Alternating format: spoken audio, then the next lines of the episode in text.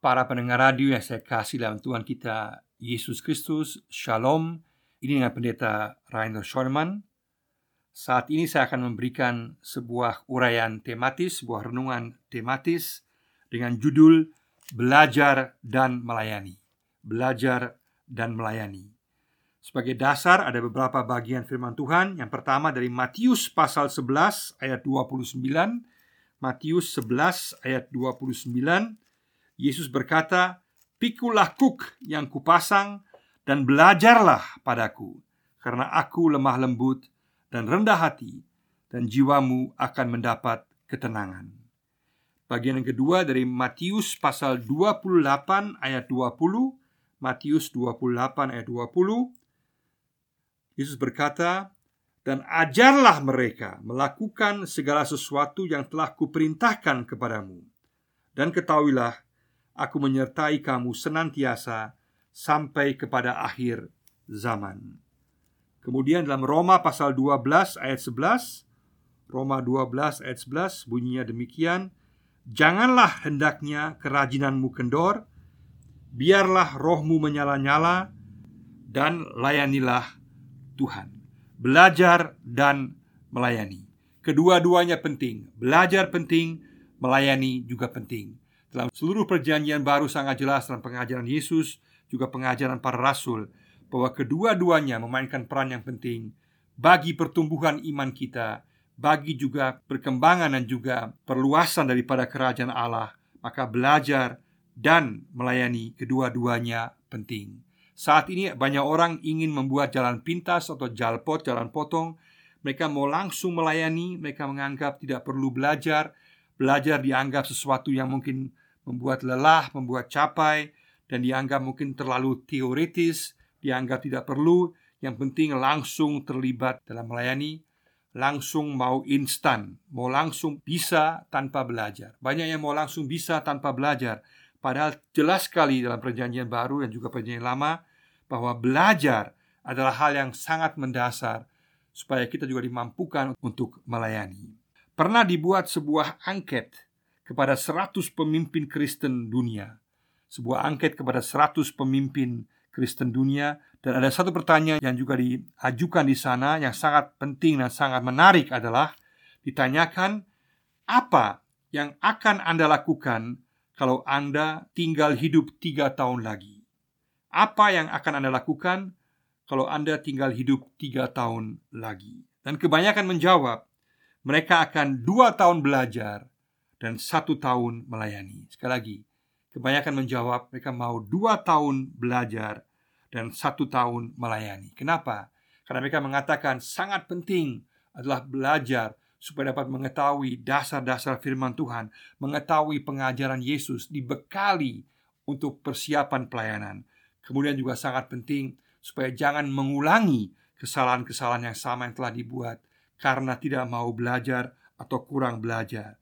Jadi belajar dan melayani merupakan satu kesatuan. Dan mereka juga mengatakan bahwa belajar adalah ibadah. Berarti bukan hanya melayani yang adalah ibadah, tapi belajar sendiri bahwa kita sungguh-sungguh mau mengenal firman Tuhan, mau mengetahui isi firman Tuhan juga merupakan ibadah yang sejati di hadapan Tuhan. Maka kita perlu kedua-duanya. Kita perlu sebuah kesediaan untuk mau belajar dan juga perlu kesiapan dan kerelaan untuk melayani. Ada lima hal yang ingin saya sebutkan secara singkat di sini, lima aspek yang penting. Yang pertama adalah kesatuan pengetahuan dan pelayanan. Kesatuan pengetahuan dan pelayanan. Pengetahuan dan pelayanan merupakan sebuah kesatuan yang tidak dapat dipisahkan. Artinya semangat api pelayanan yang berkobar-kobar tidak bisa tanpa bahan bakar. Dan bahan bakar itu adalah firman Tuhan, adalah kesiapan kita, adalah sejauh mana kita telah sungguh-sungguh menyiapkan diri dalam belajar.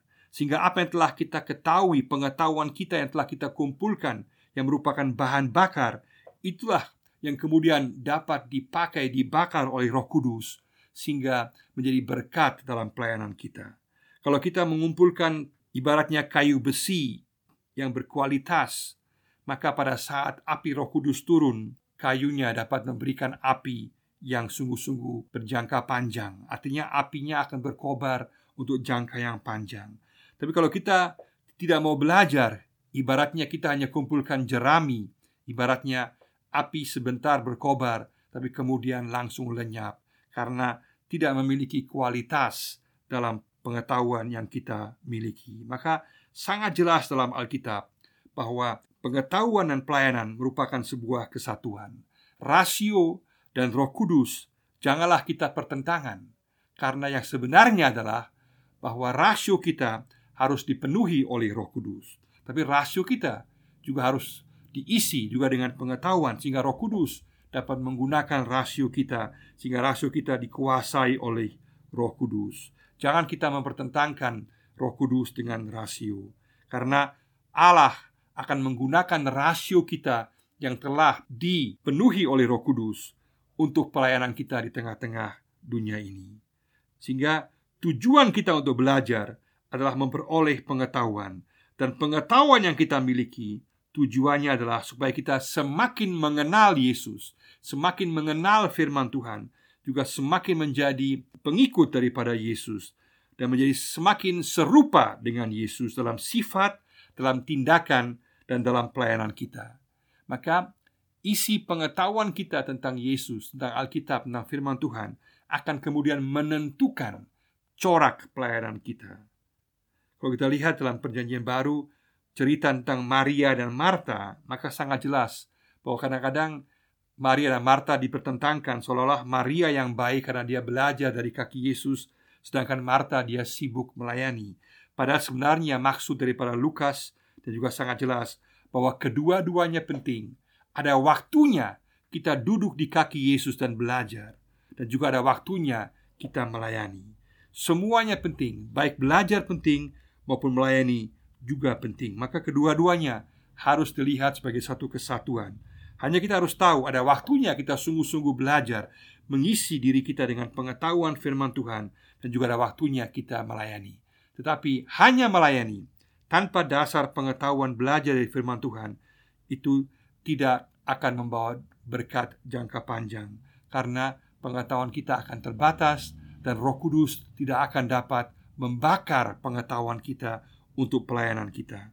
Maka sekali lagi, mari sama-sama kita melihat kesatuan pengetahuan dan pelayanan. Kita sungguh-sungguh mau belajar. Katakan Tuhan, aku mau belajar menggunakan kesempatan untuk sungguh-sungguh mengetahui isi firman Tuhan, mengetahui apa yang kau katakan, untuk mengenal sifat pribadi Yesus, pribadi Allah, tindakannya, karyanya, juga keselamatan yang diberikan kepada kita, juga semua pengetahuan daripada perintah-perintah Yesus, juga dari perjanjian lama saya perjanjian baru. Kita ingin tahu supaya kita dikuasai oleh firman Tuhan. Maka belajar kita akan menjadi berkat bagi orang lain pada saat kita sungguh-sungguh belajar, kemudian kita pakai dalam pelayanan kita dengan kuasa Roh Kudus. Yang kedua di sini adalah belajar adalah ciri orang yang bijaksana. Belajar adalah ciri orang yang bijaksana. Kalau kita lihat dalam perjanjian lama dalam kitab Amsal khususnya sangat jelas bahwa hal belajar ditekankan ulang-ulang. Misalnya Amsal 9 ayat 9 menekankan pentingnya akan kehausan akan kebijaksanaan dan pengetahuan. Pentingnya kita memiliki kehausan dan juga akan kebijaksanaan, akan hikmat Tuhan dan juga akan pengetahuan dari Tuhan. Kita perlu belajar. Juga Amsal 10 ayat 14 mengatakan pentingnya kita menyimpan pengetahuan sebagai harta dan kemudian memakainya dalam Amsal 10 ayat 14. Juga Amsal 18 ayat 15 menekankan pentingnya kita mencari pengetahuan tentang Allah, mencari hikmat Allah, kemudian juga kita mencari dengan disiplin pengetahuan akan Allah dan hikmat Allah. Juga Amsal 23 ayat 12 menekankan pentingnya selalu untuk belajar, selalu belajar mengarahkan hidup kita setiap saat kita untuk mau belajar. Ini juga berarti belajar seumur hidup. Kadang-kadang ada yang menganggap cukup kita belajar saat kuliah saja, sekolah saja. Tidak, kita belajar seumur hidup, tidak pernah berhenti untuk belajar. Bahkan Ayub 32 ayat 9 mengatakan bahwa bukan orang yang sudah tua yang bijak, tapi orang yang sungguh-sungguh mengejar hikmat dan mengejar keadilan. Mari sama-sama kita menjadikan belajar sebagai ciri kita orang yang bijaksana. Karena kebijaksanaan, hikmat, pengetahuan hanya dapat kita peroleh melalui belajar. Prinsip yang ketiga adalah belajar untuk mengerti, menuruti kehendak Tuhan dan memuliakan Tuhan. Belajar untuk mengerti dan menuruti serta memuliakan Tuhan. Berarti tujuan kita untuk belajar adalah untuk mengerti kehendak Tuhan, menurutinya, dan juga kemudian memuliakan Tuhan. Roma 12 ayat 2 mengatakan bahwa pertumbuhan pembaharuan rohani kita hanya dapat terjadi melalui suatu proses belajar, yaitu proses perubahan mental kita, akal budi kita, supaya kita dapat sungguh-sungguh diubahkan dan perubahan mental ini, akal budi ini tidak mungkin tanpa kita belajar dari Yesus. Yesus katakan tadi dalam Matius 11 ayat 29, "Belajarlah daripadaku." Maka orientasi kita haruslah belajar kepada Yesus. Juga tadi Matius pasal 28 ayat 20 mengatakan bahwa tugas orang percaya adalah membawa pengajaran Yesus ke seluruh dunia kepada semua bangsa, pada semua orang. Jadi tugas mengajar sangat penting sekaligus juga tugas kita untuk belajar dari Yesus sangatlah penting. Karena dengan belajar, maka kita akan memiliki pemahaman yang sebenarnya tentang Allah. Maka pikiran kita akan dikuasai firman Allah, diubahkan oleh Allah. Kita juga akan dijaga daripada bahaya untuk disesatkan. Kita dapat membedakan mana yang merupakan kehendak Tuhan dan mana yang bukan merupakan kehendak Tuhan. Kita dapat membedakan mana yang merupakan pengajaran dari Allah, dari Yesus Kristus, dan mana merupakan pengajaran yang sesat yang membahayakan kita. Mari sama-sama kita sungguh-sungguh mau belajar untuk mengerti, menuruti kehendak Tuhan, dan kemudian memuliakan Tuhan. Yang keempat, belajar adalah bukti kita mengasihi Tuhan. Belajar adalah bukti kita mengasihi Tuhan. Dalam Markus 12 ayat 30 sangat jelas bahwa dikatakan bahwa kasihlah Tuhan dengan segenap hatimu dan dengan segenap akal budimu dan dengan segenap jiwamu. Berarti kasih kita akan nampak pada saat kita sungguh-sungguh mau belajar dengan segenap hati tentang Tuhan, tentang pribadi Tuhan, tentang sifatnya, tentang tindakannya, tentang hakikatnya, tentang apa yang Dia perintahkan kepada kita. Ini berarti Allah ingin kasih kita. Allah ingin agar kita mengenal Dia. Maka semua ini hanya dapat kita peroleh kalau kita belajar dari firman-Nya, dari dirinya, dari sifatnya, dari janjinya.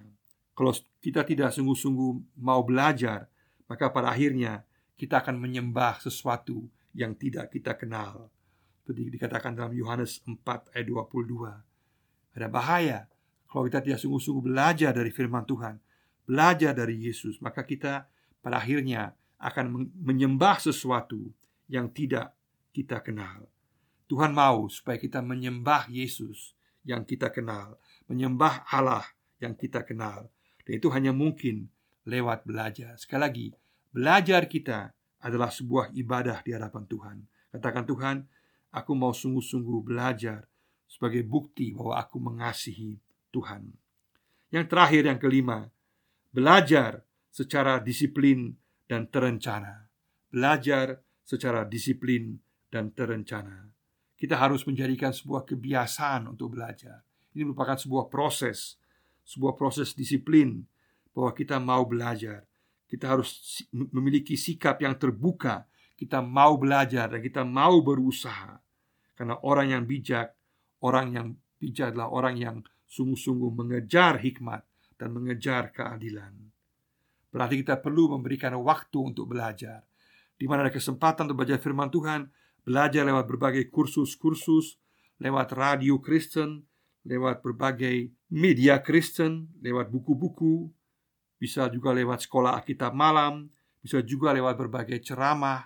Dalam berbagai macam cara kita dipanggil Tuhan untuk mau belajar secara disiplin. Karena belajar merupakan ungkapan iman kita, menjadikan belajar sebuah kebiasaan. Maka dari belajar itu, maka itu akan menghasilkan sebuah pelayanan yang memiliki kualitas, yang berakar pada firman Tuhan. Kemudian terus-menerus disuplai, diberikan kekuatan Roh Kudus, kekuatan firman Tuhan sehingga pelayanan kita semakin menjadi berkat bagi orang lain. Mari sama-sama kita katakan, kita mau belajar dan melayani. Kita mau mendasarkan hidup kita dengan terus-menerus mementingkan belajar dari firman Tuhan dari Yesus. Jangan kita meremehkan hal belajar. Sekaligus kita tahu bahwa muaranya, tujuannya adalah agar kita kemudian bisa melayani orang lain, menjadi kemuliaan bagi nama Tuhan, membawa nama Tuhan kepada orang lain, membawa berkat Tuhan kepada orang lain, pemulihan, pembaharuan kasih Tuhan kepada orang lain. Sehingga belajar kemudian menghasilkan sebuah pelayanan yang berkualitas, yang tetap, yang tidak mudah diombang-ambingkan, yang tak tergoyahkan, dan yang pasti akan memuliakan Tuhan. Mari sama-sama kita katakan, kita mau belajar dan kita mau melayani sebagai ibadah kita yang sejati. Sekaligus kita mau jadi berkat bagi orang lain dan kemudian memuliakan Tuhan dengan membawa kasih Tuhan kepada orang lain dan membawa kepedulian, belas kasihan, pengetahuan, firman Tuhan, perintah Tuhan, kehendak Tuhan kepada orang lain. Mari sama-sama kita belajar dan menjadikan belajar sebuah ibadah yang kemudian menghasilkan pelayanan yang berkualitas yang menjadi berkat bagi banyak orang. Kiranya Tuhan memberkati kita semua. Amin.